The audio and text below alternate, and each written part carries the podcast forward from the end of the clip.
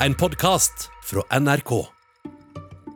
Føler du deg mer utmatta etter et videomøte på Zoom eller Google Hangouts for eksempel, enn du gjør etter et fysisk møte? Vel, da er du ikke aleine. Da den globale covid-19-pandemien traff Norge våren 2020, var en av de store forandringene for folk flest den plutselige isolasjonen og hjemmekontorsituasjonen. Det å avholde møter og samtaler med folk via video i stedet for å ta en kaffe, var plutselig normalen. Mye tyder på at dette i lengden er mer slitsomt enn fysiske møter og samtaler. Men hvorfor det?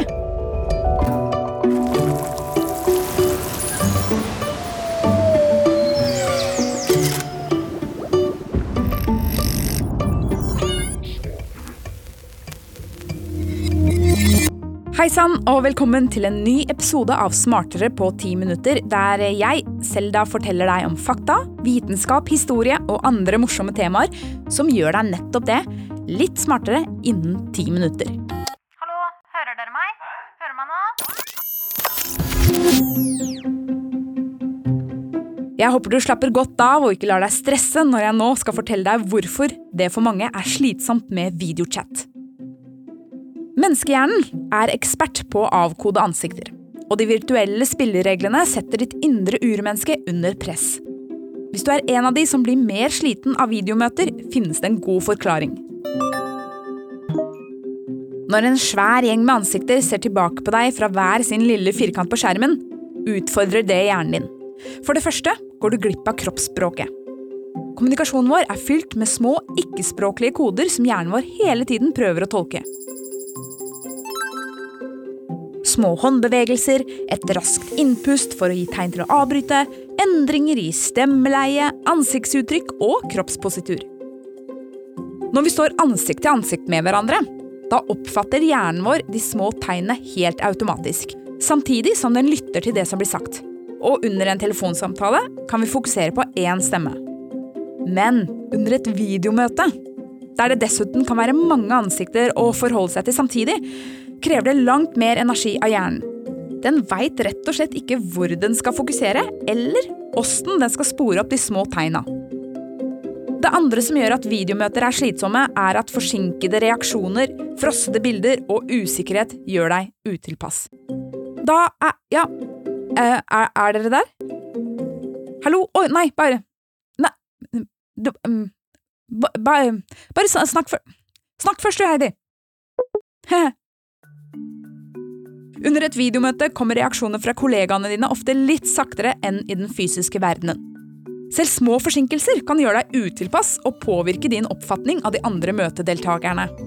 Det viser en studie fra 2014 utført av tyske forskere fra universitetet i Wuppertal i Tyskland.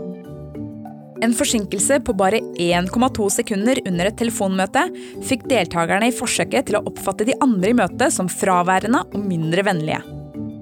Den siste faktoren som kan slite deg ut, er at du blir unaturlig stresset av å se ditt eget ansikt. jeg stirrer bare på meg selv.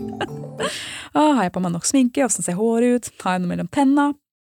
Se for deg at alle i møterommet hadde hatt et speil som de mer eller mindre var tvunget til å se seg selv i under hele møtet. Det hadde vært litt av en stressfaktor. Webkamera fungerer på samme måten. Det er en konstant påminnelse om at noen andre følger med på hva du gjør, og at du skal prestere. I tillegg er det veldig enkelt å bli opphengt i ting du selv mener er feil og mangler med eget utseende. Ser jeg litt trøtt ut? Hvordan er håret? Glemte jeg å pusse tenna? Uh, superstressende. Og en italiensk studie utgitt i 2020 viser nettopp dette. At det å se seg selv hele tida øker stressnivået betraktelig. Forskerne oppdaget at negative følelser som sinne og vemmelse ble forsterka hos de forsøksdeltakerne som så på sitt eget ansikt i løpet av samtalen. Det samme gjaldt ikke hvis de så de samme ansiktsuttrykkene hos andre mennesker. Vi er med andre ord ekstra strenge mot oss selv. Så for å oppsummere alt dette. Videochatmøter er stressende av mange grunner. Bl.a. fordi vi går glipp av kroppsspråk, lagging av linja setter oss ut, og fordi det å konstant se seg selv distraherer oss. For mange vil det være en velsignelse når vi har funnet en måte å slå pandemien på. sånn at vi kan gå tilbake til normale fysiske møter igjen. Jeg gleder meg i hvert fall til å slippe å sitte og se på meg selv halve dagen.